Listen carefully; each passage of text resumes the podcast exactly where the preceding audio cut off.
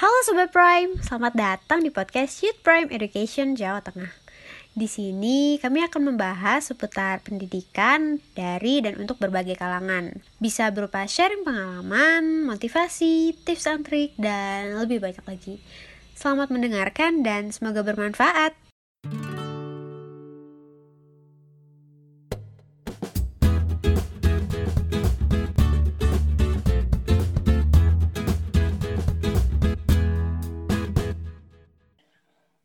Halo teman-teman, selamat datang. Gimana kabarnya? Senang banget rasanya aku bisa nyambut Sobat Prime secara langsung ya. Sebelumnya perkenalkan, nama aku Tavana, yang mana aku bakal jadi host untuk episode kali ini. Dan juga aku bakal ditemani sama teman lama dan ternyata dia ini adalah seorang founder. Nah, kalau gitu, kita langsung sambut aja ya Aldi Rizky Gunawan, founder dari Kui Berbagi. Halo Aldi, gimana kabarnya? Halo Tap, Alhamdulillah baik. Kamu, Kamu- gimana? Eh, aku baik sih, alhamdulillah. Kalau kamu kesibukannya akhir-akhir ini ngapain di? Aku paling ini sih kesibukanku akhir-akhir ini tuh ngerjain tugas-tugas kuliah yang belum selesai dan juga lagi uas. Terus ya itu untuk kegiatan koi berbagi. Paling sibuknya di situ aja sih. Makasih loh udah mau nyempetin mampir Waduh. ke podcast YP Jateng malam ini. Ya, makasih juga Tap atas kesempatannya sih. Untuk pertama kalinya aku bisa podcast juga gitu loh. Keren. Aku tuh selalu merasa tergagum-kagum tahu sama founder-founder karena menurutku ya itu tuh bukan sesuatu yang gampang, butuh banyak skill yang perlu dikuasain kayak critical thinking, skill leadership yang kuat, komunikasi yang baik, terus juga kayak harus menurunkan ego demi kesejahteraan bersama yang mana ini tuh diperlukannya evaluasi diri. Karena sebelumnya di episode sebelumnya nih kamu Ti udah pernah juga bahas soal critical thinking sama Kak Husen. Nah, kali ini aku bakal bahas soal uh, evaluasi diri bareng Aldi. Karena ya menurutku skill-skill yang aku sebutin sebelumnya tadi itu bukan cuma diperlukan dalam organisasi, tapi juga merupakan basic skill yang perlu dikembangkan sama semua orang dan juga bakal berguna gitu untuk kehidupan bersosialisasi selama sehari-hari. Ditemenin sama Aldi yang memiliki latar belakang berbau leadership, bahkan dulu sempat dipilih untuk ikut kawah kepemimpinan pelajar nasional perwakilan dari Kabupaten Berau Kalimantan Timur, kan Di? Iya benar banget. Alhamdulillah itu rezeki banget bisa kepilih dari Hmm. berbagai macam ketua OSIS waktu itu. Wow. Berarti sempat ketemu sama Pak Jokowi juga kan? Wih, sempat Alhamdulillah dikasih kesempatan ketemu Pak Presiden waktu itu. Keren, keren, keren. Nah, yang mana Aldi itu seharusnya udah merasa familiar sama konflik-konflik yang mengharuskan dirinya untuk mengevaluasi diri. Nah, Di, kalau dari sudut pandang kamu soal evaluasi diri itu apa sih? Nah, Tap, kalau dari aku evaluasi diri itu suatu bentuk penilaian atau menganalisis seberapa besar sih pencapaian yang kita udah capai atau hal apa aja yang terkadang menjadi faktor dari kegagalan yang kita alami. Kayak gitu sih, Tap. Eh, simpelnya dari sudut pandangku tentang evaluasi diri. Hmm, gitu. Kalau menurutmu seberapa penting evaluasi diri ini?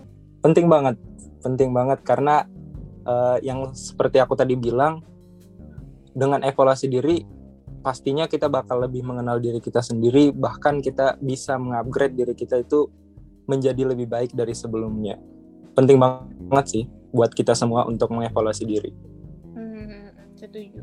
Terus em, gimana pada akhirnya kamu tuh bisa nyadari kalau pentingnya evaluasi diri untuk pertama kalinya itu kapan? Hmm, oke oke pertama kali ya Kalau Mm-mm. pertama kali seingatku itu waktu di SMA kelas 10 tap. Aduh, kembali lagi ke masa-masa SMA ini.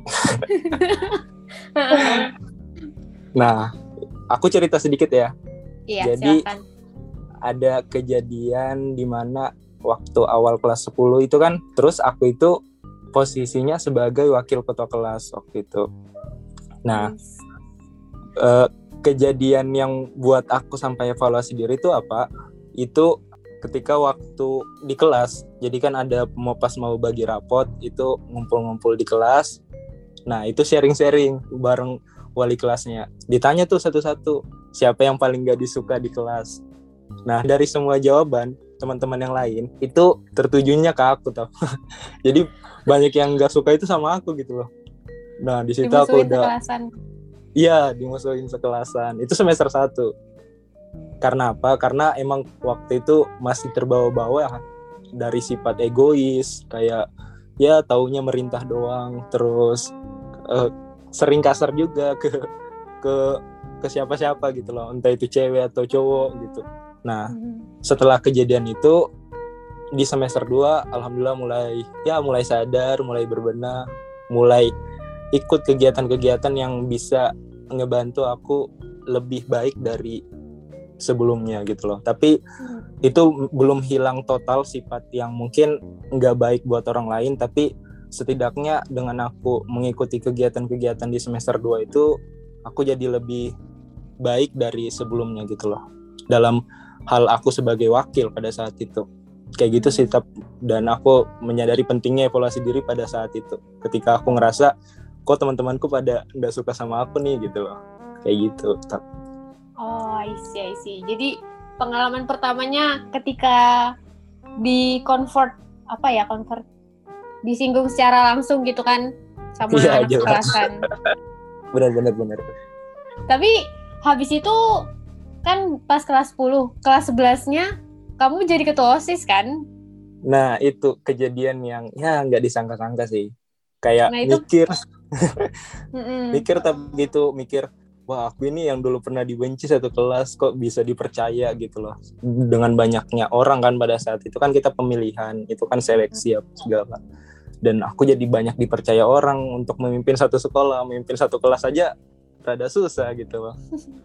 Dan itu yeah iya uh, karena mungkin faktor aku juga evaluasi diri berbenah mungkin meskipun aku waktu itu nggak pernah ikut osis sama sekali gitu kan terus tiba-tiba di dari atasan-atasan yang kayak kakak kelas itu yang pernah menjabat di osis merekomendasikan aku pada saat itu. Dan ya aku coba aja. Alhamdulillah guru-guru juga banyak yang ngedukung. Teman-teman juga banyak yang ngedukung. Ya alhamdulillah rezeki di sana kemarin dan ya cukup besar sih amanah itu bagiku kemarin. Berarti uh, terpilih jadi ketua OSIS itu merupakan sebuah perkembangan yang bagus banget dari evaluasi diri kamu ya. Ya, benar banget, Taf. Hmm. Terus selama kamu berorganisasi, bukan cuma di perkuliahan atau di dunia SMA, seberapa sering kamu melakukan evaluasi diri ini setelah pertama kali itu? Sering banget toh. Ini aku uh, terlebih pada saat awal jadi ketua OSIS kemarin. Mm-hmm. Ini awal aku itu jadi sering evaluasi pada saat itu. Nah, kan kita di OSIS itu sering rapat gitu toh. Sering rapat jam pulang sekolah. Nah, jadi ini kejadian yang emang menurut aku nggak sepantasnya aku lakuin sih pada saat itu. Jadi rapat nih, rapat dan dikumpulkan masih nunggu teman-teman yang lain anggota-anggota osis yang lain yang dari kelas-kelas berbeda kan nunggu nah di situ aku nunggu sekitar 15 sampai 20 menit apa yang aku lakukan pada saat itu kesel dan aku memutuskan buat pulang. Aku memutuskan buat pulang cabut gitu aja. Dan aku amanahkan ke wakil pada saat itu. Aku bilang udah aku kesel banget. Kamu aja yang ambil alih aku bilang kayak gitu. Dan itu aku lakukan berulang kali toh pada saat awal-awal memimpin sebagai ketua osis. Itu hal yang emang nggak pantas ya aku lakuin pada saat itu. Karena emang masih ya nggak tahu caranya aku mimpin gitu. Dan itu masih gugup-gugup awal-awal karena awal ya pasti gugup lah pada saat itu hmm. tapi setelah itu ya alhamdulillah evaluasi evaluasi dan dapat yang kemarin yang tadi di awal kita bilang aku ada rezeki dipilih untuk perwakilan ketua OSIS di Kabupaten Berau dan mewakili Kalimantan Timur untuk di Kawah Kepemimpinan Pelajar dan itu perkumpulan anggota-anggota OSIS seluruh Indonesia. Wow. Jadi jadi kami saling sharing di situ. Setelah sepulang dari itu, alhamdulillah banyak pelajaran, banyak ilmu yang aku dapat dari situ dan aku terapin di OSIS di SMA. Setelah itu aku udah tahu caranya mimpin yang baik gimana dan alhamdulillah kegiatan-kegiatan OSIS jadi lebih baik daripada kegiatan sebelumnya. Kayak gitu sih, hmm. Keren, keren, keren. Tapi kita balik lagi ya dikit ke kejadian yeah. di mana kamu dengan kondisi yang kayak gitu, dengan kondisi kamu yang masih belum bisa ngontrol ego dan emosi, terus anggota-anggotamu juga yang kesadaran dirinya kurang atas tanggung jawab waktu untuk rapat lambat datang gitu ngaret lah. Iya benar benar benar. Nah itu masa-masa itu pernah nggak sih um, mempengaruhi ke kualitas agenda kegiatan kalian? Pernah banget, pernah banget. Bahkan awal-awal itu sering terjadi gitu loh. Ya kayak yang tadi yang kamu bilang, entah dari akunya yang belum bisa mengontrol emosiku juga, terus anggota-anggotaku yang kurang kesadarannya soal waktu. Jadinya kayak misalkan ketika ada rapat yang semestinya pembahasan rapat itu bisa diselesaikan hari itu juga tapi karena waktu yang ya keterlambatan itu yang membuat rapat itu mesti diundur lagi.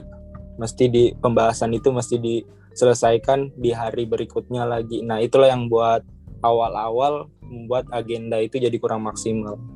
Kayak gitu sih kurang lebih. Hmm, iya iya. Bener sih. Um, jadi setelah setelah SMA itu kan kamu terpilih jadi ketua OSIS. Terus setelah itu aku lihat kamu punya banyak pengalaman di leadership. Nah, yang mana aku asumsikan itu tuh kamu sering banget melakukan evaluasi diri. Pertanyaannya, kapan-kapan ya, aja sih kamu sadar untuk melakukan evaluasi ini kayak kapan saatnya kamu mengingatkan dirimu, oh ini udah saatnya nih aku perlu evaluasi diri lagi kayak gitu. Relatif sih, tap. tapi cenderung lebih sering itu pada saat aku atau ini mungkin bukan aku aja ya, yang di mana pada saat mengalami kegagalan, contohnya saat lomba-lomba atau mungkin pas e, tes SBMPTN kemarin juga kan aku gagal. Nah di situ momen-momen yang setelah aku lulus SMA itu aku jadi sering evaluasi diri gitu loh. Dan itu aku ngerasa wah udah saatnya nih aku evaluasi diri. Misalkan pas lomba. Ketika aku lomba misalkan aku tetap dapat juara nih juara tiga. Aku tetap berhasil dikategorikan berhasil. Tapi itu bisa jadi evaluasiku untuk bisa mencapai yang lebih dari itu. Misalkan juara dua atau juara satu gitu kan. Nah itu jadi evaluasiku jadi aku uh, mempertanyakan ke diriku sendiri apa aja sih yang kurang kok aku bisa cuma bisa sampai di sini? Mestinya aku bisa juga lebih dari ini gitu loh. Nah terus waktu SBMPTN kemarin aku kan juga gagal. Jadi pastinya aku mengevaluasi diriku tetapi aku tidak mencoba untuk SBMPTN lagi. Aku lebih cenderung mencoba aku stop di sini untuk tidak coba lagi SBMPTN tapi nyoba hal yang lain yang kemungkinan bisa mengembangkan diriku gitu loh. Jadi aku cari plan lain tapi ya tetap tetap aku uh, sempat ngerasa sedih atau gimana hingga akhirnya aku ngerasa masa iya aku harus stuck di sini aja gitu loh. Jadinya aku coba evaluasi diriku kenapa gagal kemarin dan hasil evaluasiku itu aku lebih sering sharing ke adik-adik kelas. Supaya kalian gak gagal jangan kayak aku. Jadi kayak lebih kayak gitu sih. Bukan evaluasi itu untuk aku tapi untuk orang lain. Supaya nggak gagal sama kayak aku. Kayak gitu. Hmm, gitu. Berarti cara kamu untuk melakukan evaluasi diri itu diawali sama mempertanyakan diri sendiri kan di? Iya benar banget. Nah kalau dari aku sendiri tap aku ambil contoh ya, tapi misalkan aku dalam memimpin satu kelompok atau organisasi, aku akan melakukan evaluasi diriku dengan cara menempatkan diriku di posisi orang lain, misalkan sebagai anggota.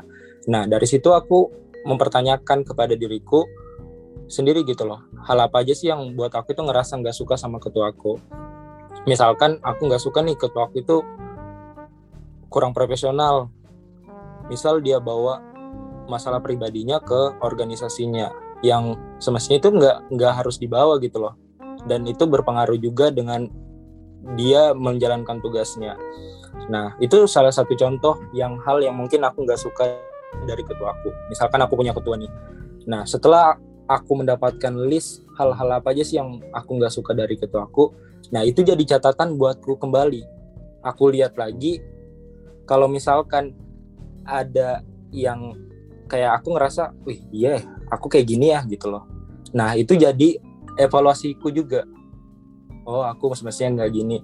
Nah tapi kalau misalkan ada yang menurutku kayaknya ini cuma salah paham. Nah itulah yang aku mesti luruskan ke anggotaku. Kurang lebih kayak gitu sih tapi kalau itu aku ambil contoh ketika aku memimpin suatu kelompok. Hmm, gitu tapi gitu. berarti dengan cara memposisikan dirimu dengan posisi orang lain terus mulai mempertanyakan diri sendiri apa sih yang nggak aku suka? Kalau iya benar banget. aku kayak gitu kayak gitu kan? Iya benar-benar kayak hmm. gitu. Nah terus kan di ada nih pernyataan kalau kamu tuh nggak bisa ngelihat telingamu sendiri tanpa perantara tanpa kaca. Yang mana artinya kamu juga nggak bisa tahu kalau kamu tuh kayak gimana sebenarnya tanpa bantuan orang lain misalnya kayak dikasih tahu atau apalah kayak gitu yang mana kalau aku simpulkan kita tuh nggak bisa mengevaluasi diri kita sendiri sepenuhnya benar-benar sendiri kalau misalnya menurut Aldi gimana? Aku setuju banget pernyataan yang tadi. Kenapa aku setuju? Karena emang menurut aku kita itu terkadang ada di momen membutuhkan orang lain untuk evaluasi diri kita. Misalkan nih, kalau kita punya kelompok, nggak usah lah kelompok, kita perkecil lagi. Circle pertemanan ya bisa dibilang sahabat yang jumlahnya mungkin satu atau dua orang. Nah, dari situ kita pasti membutuhkan mereka. Kadang kan kita dengan sahabat kita sendiri itu ada momen kita jadi bertengkar, kita jadi kayak kurang komunikasi gitu loh atau ya jadi nggak berteguran lah. Nah pasti kita nggak mau kan itu terus terjadi. Jadinya kita kasih waktu di mana kita itu ngumpul bareng sahabat kita dan ya kita saling sharing saling terbuka mempertanyakan ke sahabat kita apa aja sih yang kamu nggak suka dari aku. Itu hal-hal yang dia sampaikan itu yang bisa buat kita jadi evaluasi diri. Makanya kita mesti ada orang lain buat jadi perantara gitu loh. Untuk kita memperbaiki diri. Kurang lebih gitu tuh tapi dari kamu pernah nggak sih um, bukannya malah membantu untuk mengevaluasi diri malah jadi tersinggung dari statement yang mereka kasih karena merasa kamu merasa kayak loh aku nggak kayak gitu kok. Kayak masih denial gitu loh. Iya benar-benar. Pernah pernah banget. Bahkan itu di awal-awal lulus SMA sih. Jadi kalau kan sering tuh eh, pas lulus SMA kita jadi sering ngumpul bareng teman-teman kita di SMA nah jadi sering sharing sharing kayak gitu ketika habis ya mungkin habis bertengkar atau gimana sering banget aku ngerasa tersinggung. Loh aku kan kayak gitu. Tapi aku langsung klarifikasi gitu loh. Jadi aku ini sebenarnya kayak gini dan ya kelar deh masalahnya gitu.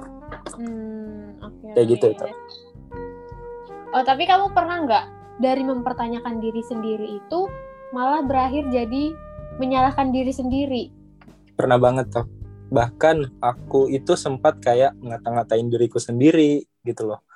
Nah di tanpa kita sedari di sekitar kita pun kayaknya banyak deh yang kejadian mengalami kejadian yang sama dan terjebak di fase ini gitu.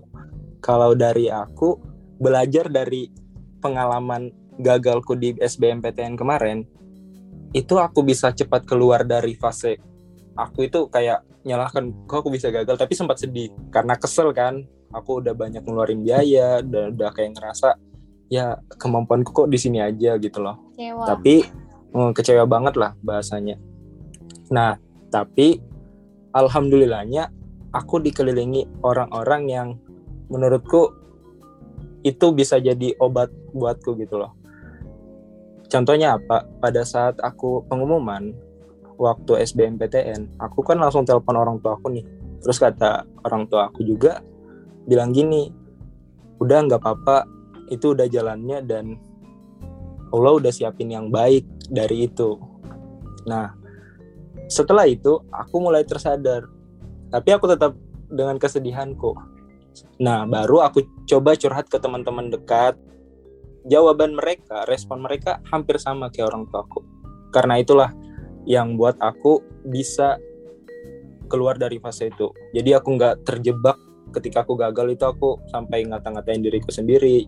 Paling kalau misalkan aku mengalami kegagalan atau yang gak sesuai ekspektasiku pasti aku mikirnya ya udahlah ini udah jalannya Allah gitu loh Allah udah nyiapin yang baik dari ini gitu dan ini udah skenario nya jadi karena itu aku tanamkan di situ itu yang mudahkan aku buat keluar dari fase itu tapi Hmm, gitu gitu. Oke, kita balik lagi ya dikit.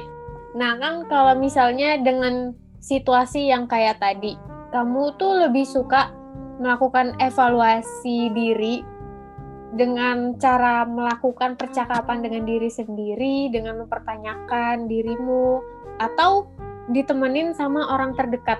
Itu tadi kayak tadi. kalau dari aku sendiri tap aku lebih enjoy sih mengevaluasi diriku itu sendiri. Melakukan percakapan sama diri sendiri. Bahkan ketika aku lagi ada masalah aku usahain masalah aku itu aku bisa selesaikan sendiri gitu loh. Karena apa? Karena sering terjadi ketika aku pengen bantuan orang lain aku bilang bantu aku dong. Eh aku berharap dia ngebantu buat aku nyelesain masalah ternyata malah menambah masalah. Gitu loh. Itu yang buat Oh iya aku jadi ya itu yang buat aku jadi lebih enjoy ya. Aku usahain aku harus selesain sendiri tetapi kalau aku udah ngerasa nggak sanggup nih aku kayaknya butuh orang lain. Pasti aku langsung menghubungi orang terdekatku dan minta bantuannya. Resikonya itu belakangan tapi aku pertama itu aku butuh dia gitu loh. Kayak gitu tapi Nah ini ini pertanyaan terakhir di sebelum kita menutup episode podcast kali ini. Mungkin dari kamu ada yang mau disampaikan untuk teman-teman pendengar para sobat Prime, entah itu berupa pesan atau nasihat atau quotes atau apa pun itu mungkin bisa langsung kamu sampaikan di. Oke, Tap. Jadi aku ada nemu satu quotes yang menjadi prinsipku juga, Tap. Dan membuat aku jadi kayak sekarang. Mungkin kita sering dengar juga ya. Dia bilang gini, jangan sering membandingkan dirimu dengan orang lain, tapi bandingkanlah dirimu yang sekarang dengan dirimu di masa lalu dan ukur seberapa besar kemajuanmu. Nah, maksudnya di sini kita kita emang nggak dilarang untuk membandingkan diri kita dengan orang lain. Karena apa? Karena terkadang ada momen di mana kita bisa ngebandingin diri kita dengan orang lain, itu bisa jadi inspirasi dan bisa jadi kita bersyukur. Misalkan kita ngebandingkan diri kita dengan orang yang lebih dari kita, itu kan bisa jadi inspirasi buat kita. Terus kita ngebandingkan diri kita dengan orang yang eh, maaf dalam artian di bawah kita gitu loh. Jadi kita ngerasa misalkan dalam hal ekonomi. Jadi kita lebih bersyukur. Kayak wah, aku udah dikasih kayak gini masa aku nggak bersyukur gitu loh. Dan sedangkan banyak yang pengen jadi aku kayak gitu kan sebenarnya. Terus tapi bandingkanlah dirimu yang sekarang dengan dirimu di masa lalu. Nah, itu yang aku terapkan dari dulu sampai akhirnya jadi kayak sekarang. Jadi aku sering ngebandingkan diriku yang dulu itu kayak gimana sampai diriku yang sekarang pencapaian apa aja yang udah aku capai dan kegagalan apa aja yang udah aku ya udah aku lewati lah dalam artian itu. Dan terakhir itu ukur seberapa besar kemajuanmu. Jadi aku ukur terus itu. Aku upgrade aku pikir ya apa yang mesti aku evaluasi lagi dan ini berhubungan lagi kembali dengan evaluasi diri. Jadi ya kita yakin aja bahwa kita itu punya porsinya masing-masing gitu loh. Jadi kegagalan yang kita alami dan itu bisa jadi evaluasi diri kita itu bisa jadi hal yang baik buat kita ke depan. Kurang lebih gitu sih tapi Wow, aku di sini diam-diam merasa tertampar gitu ya. Waduh. tapi tapi aku setuju sih sama quotes-nya untuk tidak membandingkan dirimu sama diri orang lain. Karena yang pertama ya kalian itu hidup di lingkungan yang berbeda. Dari situ aja udah iya. udah beda gitu kan di? Jadi nggak bisa lah dibanding-bandingkan orang beda level juga ya kan? Iya benar-benar mau sampai kapan gitu kan kebandingin diri kita dengan orang lain gitu loh Iya, iya, setuju, setuju. Nah, oke, okay, makasih Aldi yang udah berkenan ngobrol-ngobrol sama Tavana dan Sobat Prime kali ini. Oke, okay, Tap, makasih juga ya. Oke. Okay. Jika aku ada salah ucap, mohon maaf ya, teman-teman. Aku juga mohon maaf ya, teman-teman, kalau ada salah ucap. Sip. Semoga kita selalu sehat ya. Semoga obrolan kita kali ini bermanfaat bagi banyak orang. Amin. Oke, demikian podcast episode kali ini. Terima kasih Aldi sudah bersedia meluangkan waktu untuk hadir di podcast CP Jateng. Terima kasih sudah mau berbagi pandangan dan pengalaman tentang evaluasi diri ini. Oke, Tap, sama-sama. Terima kasih kembali buat YPE Jateng tentunya yang udah ngasih aku kesempatan buat sharing-sharing tentang evaluasi diri. Terima kasih juga buat teman-teman yang udah mau mendengarkan podcast kali ini. Yeay, terima kasih semua. Terima kasih Sobat Prime. Dadah. Terima kasih. Dah.